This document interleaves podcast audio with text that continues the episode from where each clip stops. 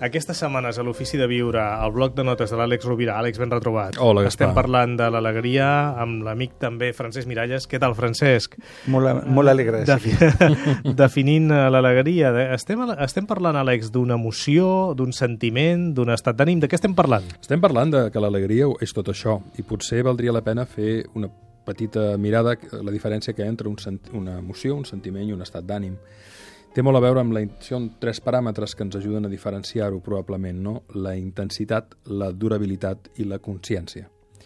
Una emoció és, eh, dura poc, és fugaç, normalment d'entrada eh, no és conscient, és a dir, quan l'experimentem necessitem una estona per dir que sentim alegria o per conscientitzar que estem alegres perquè l'alegria ens envaeix i no té molta durada. Eh, si una emoció tingués molta durada i fos, molt, i fos d'alta intensitat, el nostre cos fins i tot ho passaria malament.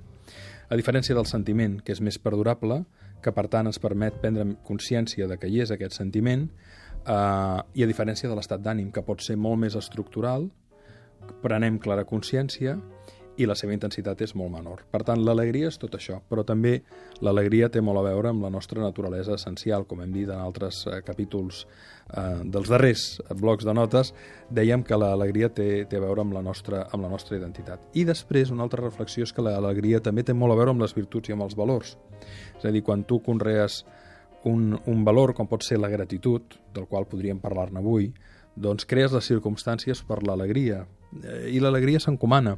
Quan d'alguna manera practiquem la gratitud, no només ens sentim alegres perquè prenem consciència del do que ens és donat, sinó perquè li fem arri arribar a l'altre el nostre reconeixement. En Francesc Miralles ens volia llegir un fragment d'Oliver Sacks. Sí, uh, jo em vaig interessar per Oliver Sacks ja quan va publicar aquesta col·lecció d'assajos que era l'home que va confondre la seva dona amb un barret i és un neuròleg molt interessat per casos especials amb una aproximació molt humana a la ciència i va sorprendre tot el món quan al febrer del 2015, crec, va publicar una carta al New York Times, que aquí a Europa la van traduir diferents eh, diaris, on anunciava que patia una malaltia terminal i on va escriure una carta de comiat que de fet és una carta de gratitud.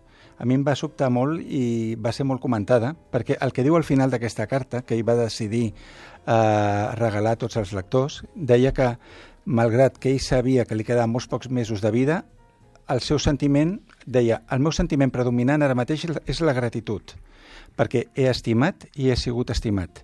He rebut molt i he donat alguna cosa a canvi. He llegit i he viatjat. He pensat i he escrit. He tingut una relació amb el món, el coit especial entre els escriptors i els lectors. Però per sobre de tot he estat un ser, un ésser sensible, un animal de pensar en aquest bonic planeta i en tot plegat ha estat un gran privilegi i una gran aventura. És corprenedora, aquesta carta. És una meravella. Sí. És, un, és un llegat, a més, d'un home, d'un home que va viure amb molta consciència, que va encomanar molta consciència i que va viure amb, generant molta alegria en els seus lectors.